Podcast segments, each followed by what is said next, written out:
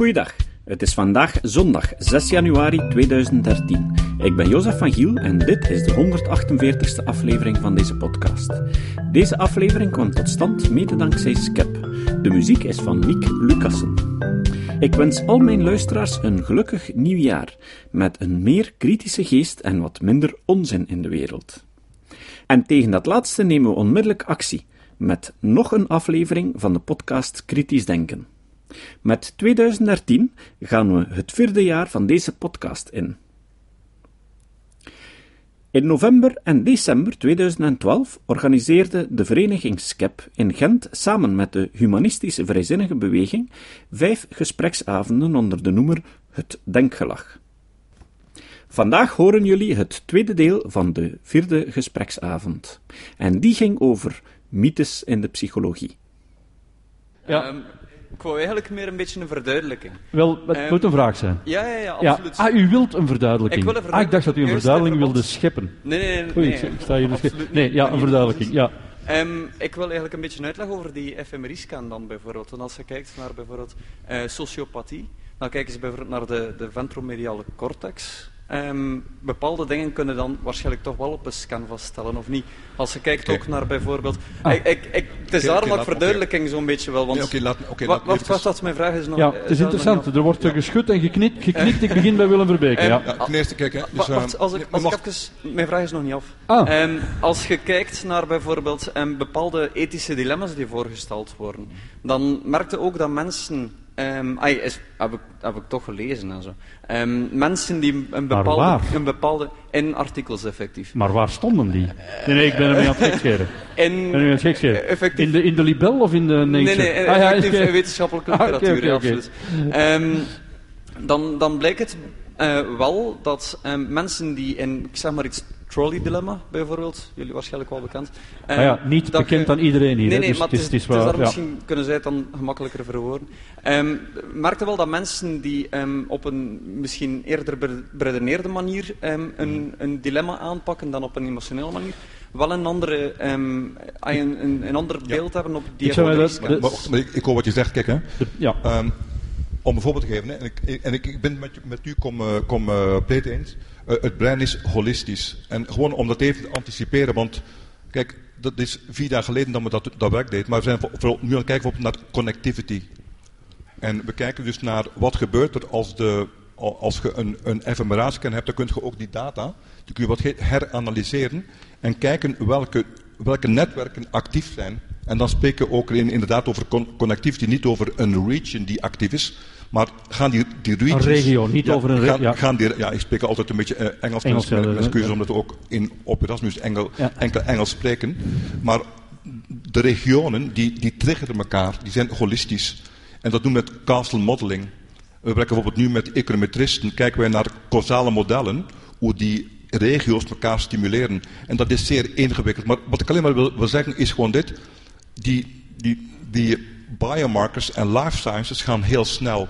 En ik denk dus om, de, om, om het even te anticiperen op uw vraag terug. Dat gaat zo snel dat de oude theorieën in, in psychologie misschien wel binnen dit en tien jaar zullen substantieel veranderen. Maar u hebt ook gelijk, er is ook heel veel hetzelfde Ja. gebleven. Maar Ja. dat is eigenlijk al dat we vanavond zeggen, denk ik hoor. Dus, eh, Jij zat van uh, nee te schudden van een psychopaat in een scanner eh, stoppen. Dat, uh, Maar ik merk dat de voorspelling al iets voorzichtiger of de vraag is eigenlijk deze. De Meneer vraag is eigenlijk deze. Als je iemand willekeurig in een Ja. scanner stopt, kun je zien dat het een psychopaat is. Inderdaad, dat was de vraag. Ja. Eh, het antwoord daarop is eenduidig en heel duidelijk nee. Mhm.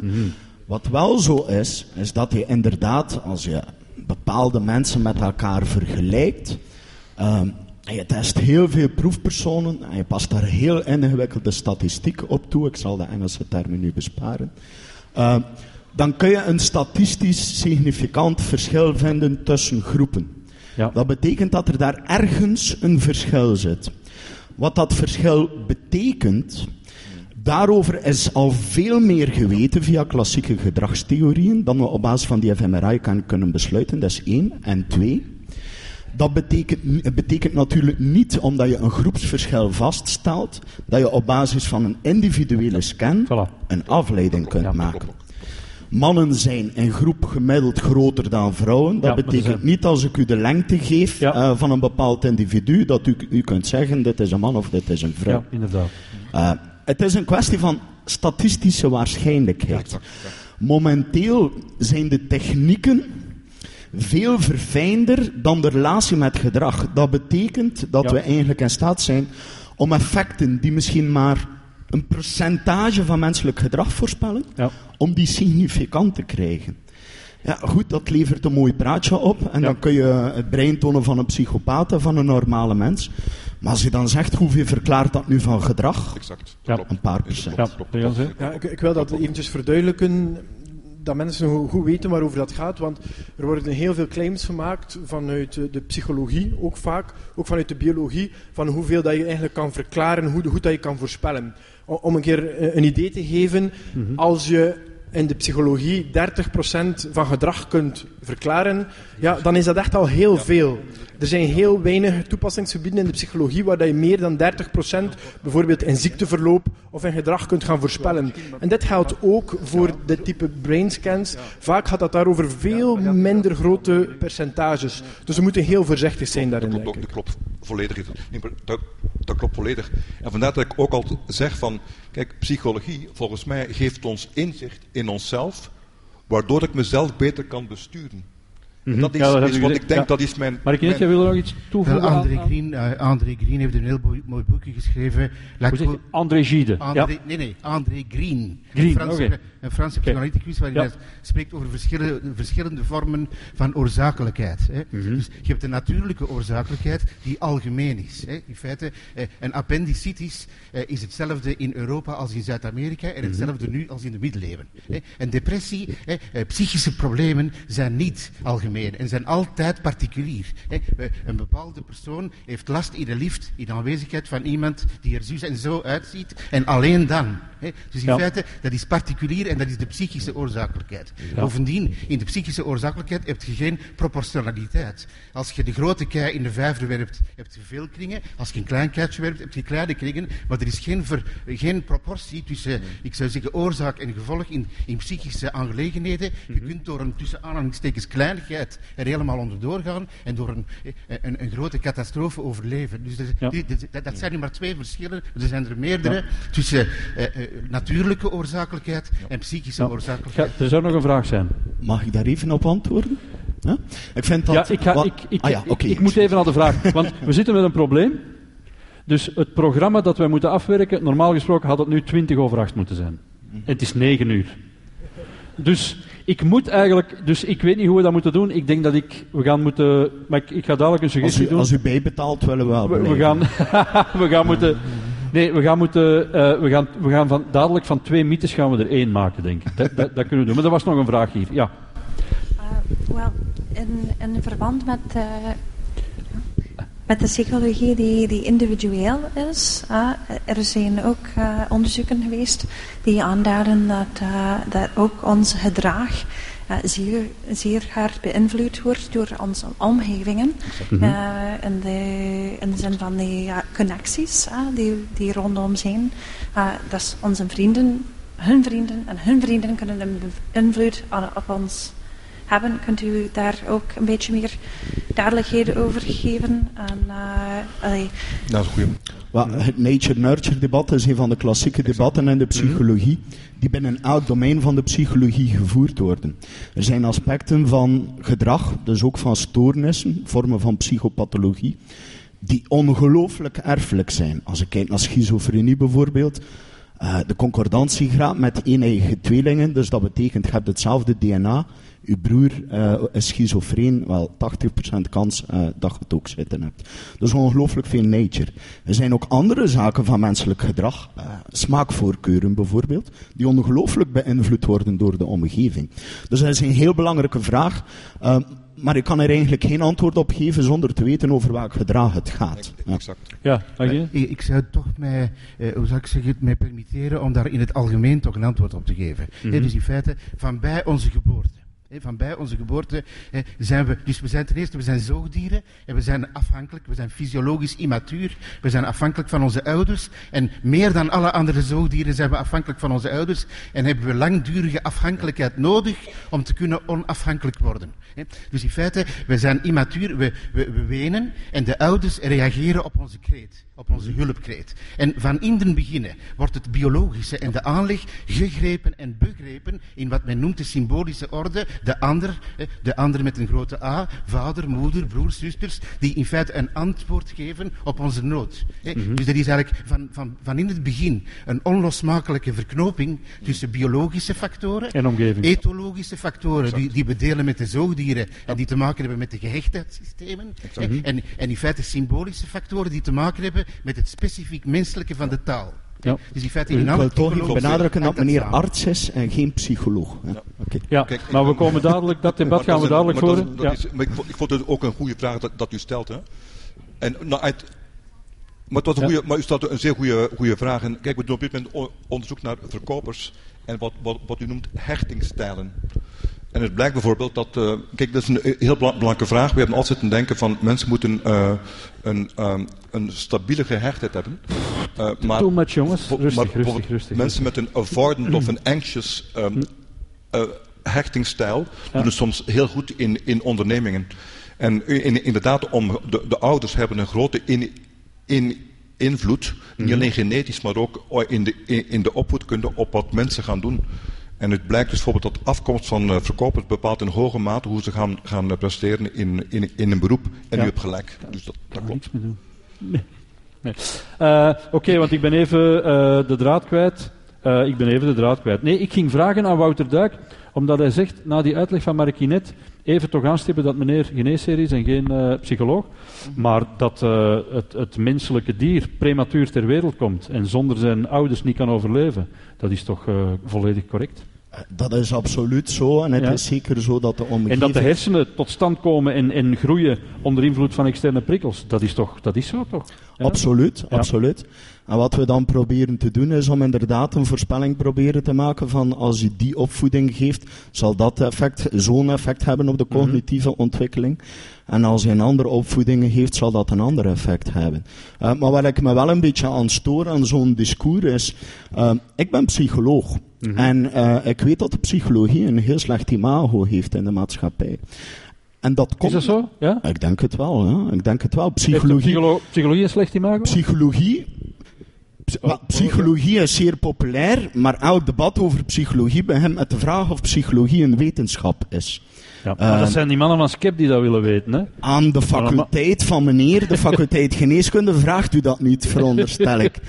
Ehm, dus ik vind wel dat dat een kwalijk imago heeft. Ik wil dat toch even duidelijk maken.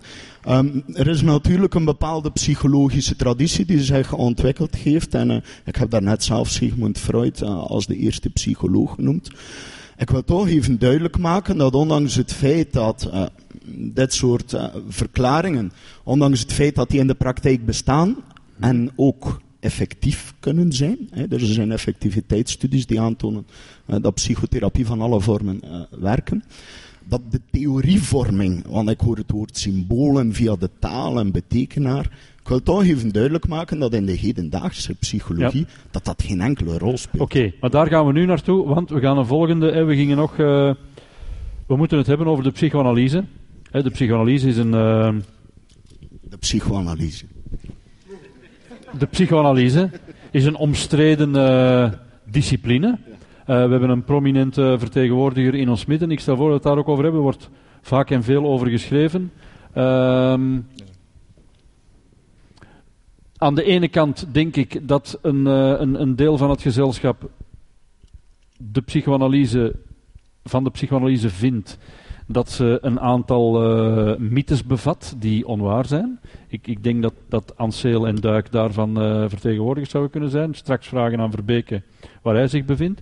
En aan de andere kant is eh, Mark Kinet als psychoanalyticus iemand die, die veel eer het feit dat de psychoanalyse achterhaald zou zijn, die dat een mythe, een mythe vindt. Ehm, misschien moet het debat over de psychoanalyse vanzelfsprekend bij u beginnen. Het is heel moeilijk om dat, om, om, om dat kort even te zetten en te zeggen. Die psychoanalyse wat is dat en, hoe wetenschappelijk is dat en uh, waarom is dat niet achterhaald? Want inderdaad, dat Freud, Lacan enzovoort uh, on, onwetenschappelijk waren, dat ze uh, zelfs van Freud wordt gezegd dat hij een kwakzalver en een leugenaar was enzovoort. enzovoort. Daar worden heel veel lelijke dingen geschreven over de psychoanalyse. Ehm, kunt u het even zetten, hoe u dat ziet? Die psychoanalyse en dat debat daarover vandaag. Ik zal misschien, ik zal misschien proberen met dus de mythe te ontkrachten. Hè. Dus in feite, hè, als men het over de psychoanalyse heeft, heeft men het altijd over Freud. Hè. Freud is gestorven in 1939. Nee, mhm. de psychoanalyse is niet blijven stilstaan. Mm dus uh, dat is zoals de fysica niet is blijven stilstaan bij Newton, is de psychoanalyse niet blijven stilstaan bij Freud. Dus na Freud heb je natuurlijk allerlei nieuwe ontwikkelingen, wat niet belet dat zoals Newton de de wet van de zwaartekracht geldt nog altijd. Dus er zijn nog altijd heel belangrijke Freudiaanse concepten die tot op heden... Geef eens een voorbeeld. Overdracht. Overdracht, dus in feite, voor Freud mag zich slechts psychoanalyticus noemen wie rekening houdt met de overdracht en met de weerstand. En wat betekent dat overdracht? de overdracht betekent dat wij van in onze prilste kinderjaren een bepaalde plooi aannemen tegenover onze omgeving. Nee? Een plooi tegenover vader, moeder, broers en zusters. Een bepaalde manier van in relatie treden met, in interactie treden met. En die plooien die eh, slaan neer in ons geheugen, in ons impliciet geheugen, en staan als een stolsleutel voor de notenbalk in onze latere ontmoetingen en bepalen de manier van interageren met anderen zonder dat we ons daarvan bewust zijn. Mm Dus dat is één. Het element van het impliciet geheugen en de bepaalde interactie met de ander, die mhm. ook in het latere leven is terug te vinden, een bepaalde manier van zich te verhouden tot. Dus dat in feite de, de, de, de prille kindertijd in het kerngezin, de relaties en de, en de houdingen en, en die daar ontstaan, die, die draagt iemand mee in de rest van zijn leven hoe hij zich in de maatschappij ook tot anderen verhoudt. Is dat... Ja, dus dat is een, ook door de gehechtheidstheorie, door ontwikkelingspsychologie en ook door neurowetenschappen toch bevestigd uitgangspunt. Hè, dat, dat er zich in ons impliciet geheugen patronen vestigen die tot mhm. ver in ons leven zijn terug te vinden. Hè. Ja. Dus dat is één. Hè. Eh, de weerstand heeft meer te maken met hè, dat we lust nastreven of liever onlust vermijden. Dat we, we hebben een geheugen, maar we hebben, we, de, de mens schrijft zijn geschiedenis. Hè. Dieren hebben ook een geheugen, dus mhm. wij delen het geheugen met de dieren, maar de dieren schrijven geen geschiedenis. Mhm. Wij schrijven en herschrijven onze geschiedenis en onze geschiedenis is één, evolutief, ze verandert voortdurend en ze verandert natuurlijk a fortiori in een zo ingrijpende gebeurtenis als een psychoanalytische of een psychotherapie in het algemeen. Mhm. Wanneer je uw boek open doet en in uw boek gaat lezen en uw geschiedenis schrijft en herschrijft, verandert die geschiedenis ook. Mm en, dus eh, eh, ze is evolutief en ze is in zekere zin op een heel radicale wijze ook fictief. Mhm. In feite, we maken voortdurend van alles ja. van hetgeen wat, ja. we hebben meegemaakt. Ik ga even, want we gaan verder. Hebt u al dingen gehoord waarvan u zegt onzin, flauwekul, nee, niet, niet akkoord? Nee, dat is net mijn punt. Ja. ja het is, het is bijna triviaal. In die zin, alles wat u hier zegt, ja, daar kan je niet veel tegen inbrengen. Ik ga volledig akkoord met alles wat u zegt. U zei daarnet over attachment styles, vroeger hechtingstijlen. Natuurlijk, maar dit behoort tot bijna de kanon van de psychologie. En dus, dat is een van mijn... Behoort tot de? Tot de, de kanon van de psychologie. De kanon van de psychologie, ja.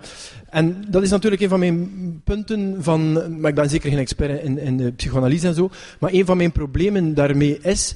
Kijk, wat onderscheidt de wetenschappelijke methode? Dat is dat je toetsbare voorspellingen die falsifieerbaar zijn. Mhm, mhm. bijvoorbeeld statements als wij schrijven allemaal een geschiedenis die continu verandert. En ja, ik kan mij daarin vinden, maar toets de keer dat dat niet waar is. En het is ook niemand die gaat beweren dat dat niet waar is. En dat is een van die punten waar dat je kritiek op kunt geven, namelijk het moet toetsbaar zijn mhm. eh, door externe gegevens. Een tweede punt is, het moet integreerbaar zijn met onze kennis, onze stand van zaken in andere domeinen. Dat is eigen aan wetenschap. Je kan niet ergens één iets onderuit halen, maar dat wil zeggen dat alles instaat. En waarom is de psychologie, de psychoanalyse tenminste niet integreerbaar in, in maar andere Bijvoorbeeld als het uh, gaat over het onbewuste, bijvoorbeeld hoe dat, dat functioneert, of bijvoorbeeld hoe dat dromen functioneren, denk ik dat dat niet meer consistent is met wat er in andere domeinen gevonden is. Mhm. En dus denk ik dat er daar... Wat is er, wat is er, wat is er met het onbewuste in de psychoanalyse dat, dat we vandaag kunnen zeggen dat... dat maar niet bijvoorbeeld het belang dat men hecht aan, aan dromen. Bijvoorbeeld, ik denk dat Wouter daar meer kan over vertellen. We hebben een eminent onderzoeker in Nederland Mhm. die onderzoek doet over wat het eigenlijk inhoudt, dromen, wat dat, dat betekent. Ik denk dat dat niet meer op de leest geschoeid is van wat er vroeger daarover beweerd Ja, werd. misschien, ik ga, ik, ga, ik, ga, ik ga eerst nog even terug naar Markinet. Dromen. Wat doet u met dromen? Mark Hebrecht heeft in 2012 of 2011 een boek uitgegeven bij de Tijdstroom over de droom, waarin hij alle hedendaagse psychoanalytische inzichten over de droom bundelt. En uiteraard wordt de theorie niet van Freud niet meer, niet meer in zijn integraliteit weerhouden. Hè. De, het speelt een rol. De, de droom is een uitdrukking van een verdrongen wens. Dat kan, maar dat is niet altijd zo. Vaak heb je eh, onder de tekst een subtekst. Nee, er is in feite onder ons bewust functioneren een voortdurende laag. En dat moet je ook letterlijk opvatten in onze hersenen. Ja. Hè, een laag ook werkzaam. Hè. En in, in feite, ja, ik zou zeggen, over eh, 's s'nachts is die laag actiever. In feite, de, de, wa- eh, de neocortex slaapt. Hè. De, de slaap van de reden produceert monsters is een schilderij van Goya. Hè. Dus in feite, het cognitieve functioneren, het rationele functioneren slaapt. hè. En de diepere regionen nemen over en er is een, een proces van metabolisering. hè. Dingen die je hebt meegemaakt worden in feite verwerkt. Nee, Ja, in die zin Duik, ja. Dromen zijn inderdaad ervaringen die ontstaan ten gevolge van ongecontroleerde elektrische activiteit in de neuronen, dat is waar. Eh, dat dat een zekere verband houdt met de ervaringen die iemand gehad heeft, dat is ook waar.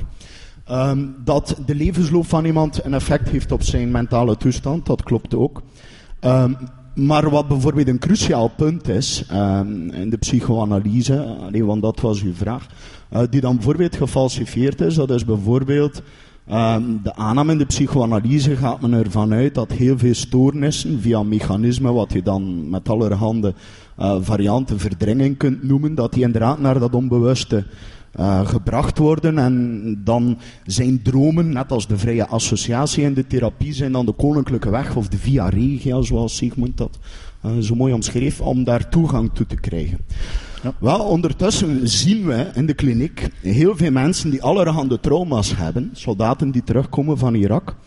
En wat merken we? Dat die trauma's, dat die helemaal in het merendeel van de gevallen niet verdrongen worden. Maar in sommige En- gevallen wel? Integendeel, dat die mensen daar constant aan terugdenken, dat die gedachten constant in de gedachten aanwezig zijn. Maar in sommige gevallen wel, want u zegt in het merendeel van de gevallen. In sommige Goh, gevallen dus daar wel. is veel discussie over en het is natuurlijk moeilijk, omdat je wel daar natuurlijk... ehm alleen want dat wordt vaak bediscussieerd in het Dus geval dat van... bestaat verdringing In nu of niet? in het geval van kindermisbruik. En ik vind het moeilijk om daar een algemene uitspraak over te doen. Ehm, we kunnen wel zeggen dat ehm, traumata toch een zeer sterke neiging hebben om in het bewustzijn te komen. Wetenschapstheoretisch vind ik dat een heel belangrijke vaststelling. Mhm. Want dat was het basismechanisme waarop Sigmund Freud zich eh, baseerde.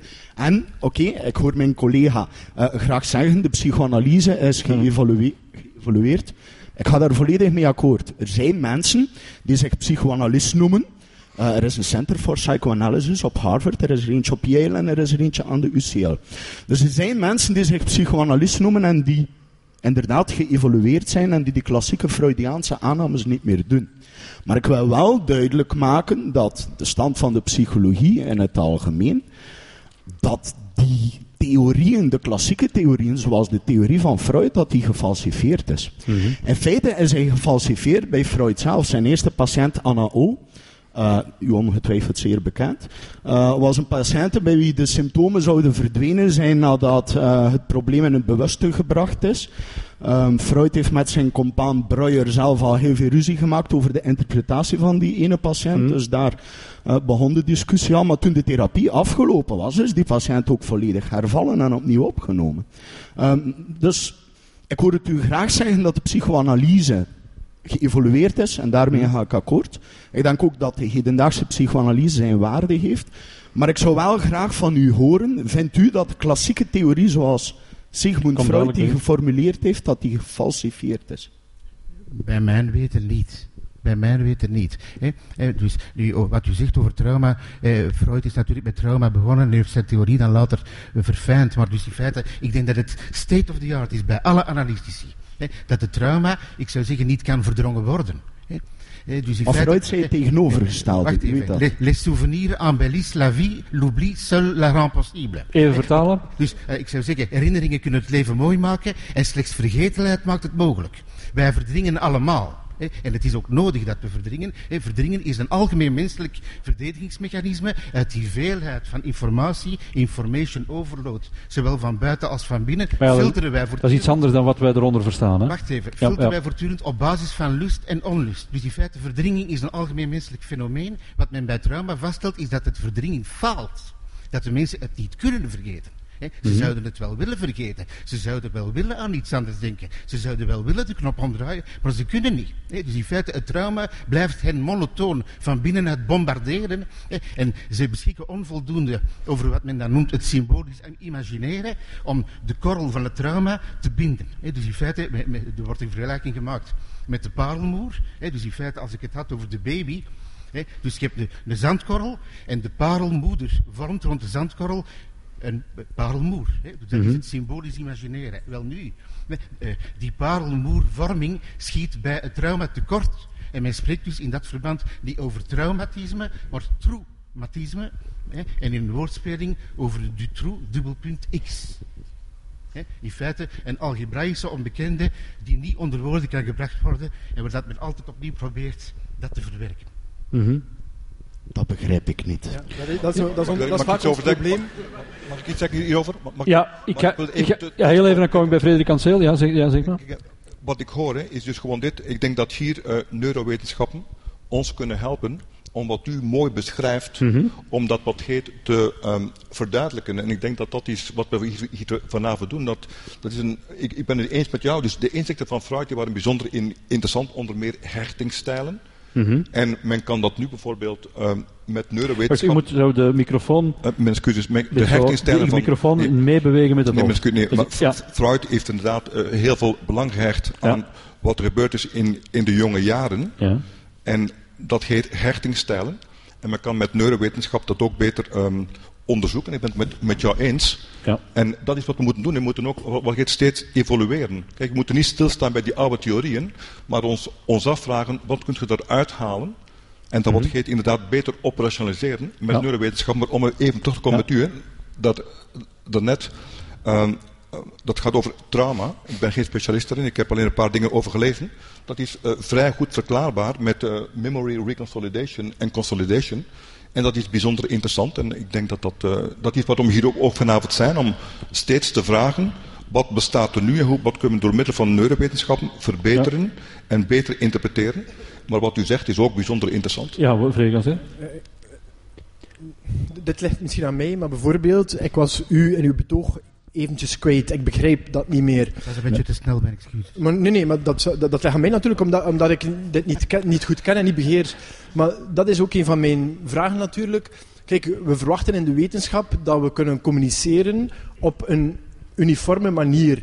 En ik zal bijvoorbeeld in de economie, als ik een artikel, wetenschappelijk artikel lees in de economie, ik zal niet al die wiskundige formules begrijpen, of in de biologie, maar ik zal wel algemeen kunnen de contributie daaruit halen, weten hoe dat zich verhoudt tot bepaalde zaken. Het probleem is, als ik hier psychoanalyse hoor, en het kan natuurlijk zijn, ja, u kan zeggen van dat is nu eigen aan ons domein, maar ik vind dat wel een probleem als dat een wetenschappelijke status moet hebben, dat dat niet toegankelijk is voor mensen buiten dat domein. Ik vaak gehoorde Ik, opmerking. hè? ik pleit schuldig, de psychoanalyse is geen kwik en geen fastfood. Dat moet ik eh, toegeven. Eh, ik verontschuldig mij ervoor. Ik kan het natuurlijk in heel andere terminologie uit, uitdrukken. Als men spreekt bijvoorbeeld over epigenetica. hè, dus in feite, we hebben dus natuurlijk ons genetisch materiaal. hè, maar natuurlijk, eh, ons genetisch materiaal komt pas tot expressie afhankelijk van onze omgeving. hè. Dus in feite, ik zou zeggen, ja, daarover heb ik het. Dat is dan in een andere terminologie gegoten, met dan dien verstande, dat is voor de psychoanalyse het er niet over gaat hoe de omgeving is objectief, maar hoe ik ze subjectief ervaar. Wat ik van mijn omgeving maak. En in die zin eh, is er geen voorspelling mogelijk. Er zijn kinderen die in traumatische situaties opgroeien, die daar relatief ongeschonden uitkomen. En Inderdaad. er zijn kinderen die in een tussen aanhalingstekens min of meer normaal gezin opgroeien en die heel ernstige psychopathologie ontwikkelen. Dus er is daar geen lineaire logica. Hè. Mhm. Er is dus wel degelijk een voorspelling mogelijk. ehm, zeker geen perfecte. Maar er zijn bepaalde denkstijlen, interpretaties van situaties. Ehm, denkbeelden uh, waarvan men weet dat als iemand die aanhoudt, dat je kwetsbaarder wordt voor depressie. Hè? En uiteraard hangt het er dan ook vanaf wat dat je meemaakt in je leven. Uh, als je bijvoorbeeld de verwachting hebt dat iedereen je moet leuk vinden, dan is de kans groter dat je depressief wordt dan wanneer je dat denkbeeld niet aanhoudt. Mm -hmm. uh, we noemen dat cognities. Um, die cognities laten wel degelijk toe, niet met 100% waarschijnlijkheid, mm -hmm. te voorspellen of iemand een bepaalde pathologie zal ontwikkelen. Wat we ook weten is dat als we die cognities kunnen veranderen in een therapeutische context, dan dat mm -hmm. gebeurt bijvoorbeeld in cognitieve gedragstherapie, dan weten we ook dat we die persoon kunnen leren om met de stressors, met de omgeving mm -hmm. die hem overspoelt, om hem daar minder vatbaar voor te maken. En dat het ook een effect heeft op het gemoed. Dat weten we. Werkt dat allemaal Ja. perfect? Nee, Ja. maar medicijnen ook niet. Ja. Ik ga u toch even een vraag stellen, want u, u moet waken over de kwaliteit van het onderwijs aan de faculteit Psychologie van de Universiteit Gent. Aan die faculteit bestaat wel een vakgroep psychoanalyse, die wordt geleid door een van de meest vermaarde eh, psychoanalytici van Vlaanderen. Hoe eh, bokst u dat eh, in elkaar? Wel, er bestaat inderdaad een vakgroep psychoanalyse, en dat is Mhm. maar goed ook dat we die gehad hebben, gezien, U eh, hebt hem nog steeds. gezien, gezien het U historisch... spreekt in de verleden tijd. Het Gezien het- zekere, een gezien zekere hoop spreekt daaruit. Misschien- ja. gezien het historisch belang van psychoanalyse. Mhm. Maar, ehm, zoals ik daarnet aangaf, en zoals mijn collega ook zei, er bestaat een psychoanalyse die geëvolueerd is en die een empirische wetenschap is. Er is een Center for Psychoanalysis op Harvard, Yale en UCL en ook in Gent. hè. En ehm, bijvoorbeeld de laatste twee hoogleraren die daar benoemd zijn, dat zijn mensen die empirisch onderzoek doen, waarbij gedrag gemeten wordt. En die mensen die publiceren eigenlijk grosso modo in dezelfde tijdschriften Ja. als diegene waar de cognitief gedragstherapeuten Ik ga, er is een vraag aan het publiek gesteld ook. Ik, ik pak die nog even vast. Eh, kunnen wij traumatische herinneringen verdringen? Ik, ik geloof dat iedereen was het erover eens dat dat niet kan, zeker. Of dat dat eigenlijk nauwelijks voorkomt. Dat, dat is dan... Omdat eh 83% van het publiek gelooft dat wij traumatische herinneringen niet kunnen verdringen. En ze hebben, daar, ze hebben gelijk. Laat ons zeggen, je hebt verschillende verdedigingsmechanismen. In feite, bij trauma speelt vaak wat men meer, meer noemt afsplitsing of, dissociatie. Wat Mhm. niet helemaal gelijk te schakelen valt met verdringing. Eh, wij hebben ik, ben, ik, ik zei daarnet dat ik verantwoordelijk ben voor een afdeling met angststemming en persoonlijkheidsstoornissen. Mhm. Wel nu, ruim 50% van de patiënten daar hebben in min of meer ernstig trauma in de voorgeschiedenis. Dus ik word van s morgens tot s avonds met traumapatiënten geconfronteerd.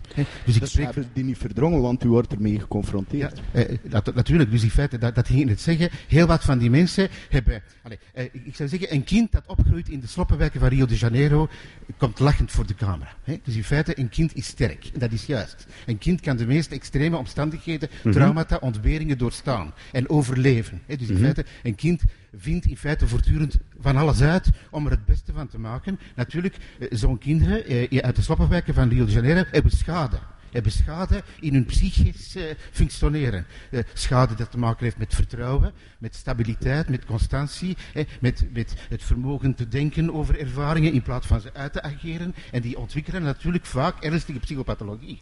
Eh, maar die psychopathologie die, die, die manifesteert zich pas, bij wijze van spreken, als ze ergens bij hun kop tegen de muur beginnen te lopen. Dat kan zijn dat ze een hele tijd weten te overleven met een bepaalde overlevingsstrategie. En ze komen natuurlijk pas in een psychiatrisch ziekenhuis terecht als ze zich niet meer kunnen houden. Hè. En dan komt natuurlijk de spreekwoordelijke zweer tot uitbarsting. hè. Dan komt de etter tevoorschijn. Ubi pus, ibi evacua. Als de etter tevoorschijn komt, moet de etter verwijderd worden. En dat is helaas een heel omslachtig proces, waarbij in feite dat gat in de psyche moet gedicht worden. En ik zeg dus gedicht en niet gevuld. hè. Dus in feite, dat wordt gedicht door erover te spreken.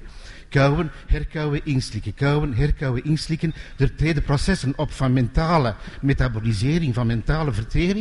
Hè. En eh, eh, om het in een beeldspraak uit te drukken, hè, eh, ik zou zeggen, zolang het op de maag ligt, kan het oprispingen geven onder de vorm van eh, flashbacks, herbelevingen, nachtmerries, hè, allerlei lichamelijke gewaarwordingen. Maar van zodra het de darmen heeft bereikt, heb je geen oprispingen meer? Zit het daar ergens? De patiënt weet dat natuurlijk wat hij heeft meegemaakt. Maar dus die, die herbelevingen, die kaderen in een posttraumatische stressstoornis en die te maken hebben met falende verdringing, verdwijnen.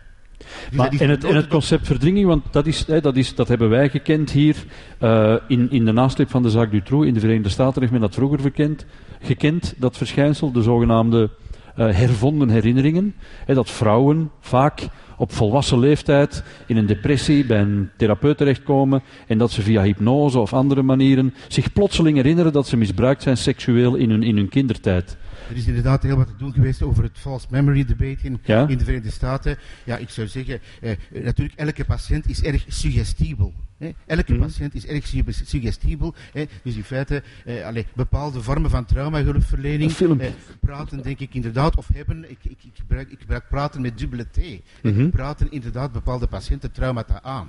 Hè. Ik kan me dat voorstellen dat dat gebeurt. Ja. Er is daar schitterend onderzoek over van Elke Gerard, eh, Ja. psychologe, slimste vrouw van Nederland. Inderdaad.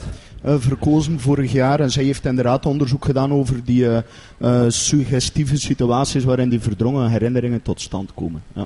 En zij toont eigenlijk tamelijk overtuigend aan dat als er sprake is van zo'n verdrongen herinnering, die plots na tientallen jaren opborrelt, eh, dat daar heel vaak eh, suggestieve elementen in de context waarbinnen die tot stand komen aan te wijzen zijn. Ja. Dus, maar laat zij ook niet de mogelijkheid open dat het toch mogelijk is dat je bijvoorbeeld seksueel misbruikt bent in je jeugd en dat je je daar op volwassen leeftijd niks van herinnert. Kan, kan het of kan het niet? Dat is een beetje, een beetje de basisvraag. Als, als je haar teksten echt leest, denk ik dat je, dat je eigenlijk de conclusie moet trekken dat het zeer, zeer, zeer onwaarschijnlijk is. Ja. Ehm, natuurlijk, wat niet belet dat als een persoon zo'n false memory creëert, Mhm. eh, dan gebeurt dat wel vaak in een context dat er wel degelijk sprake is van psychopathologie.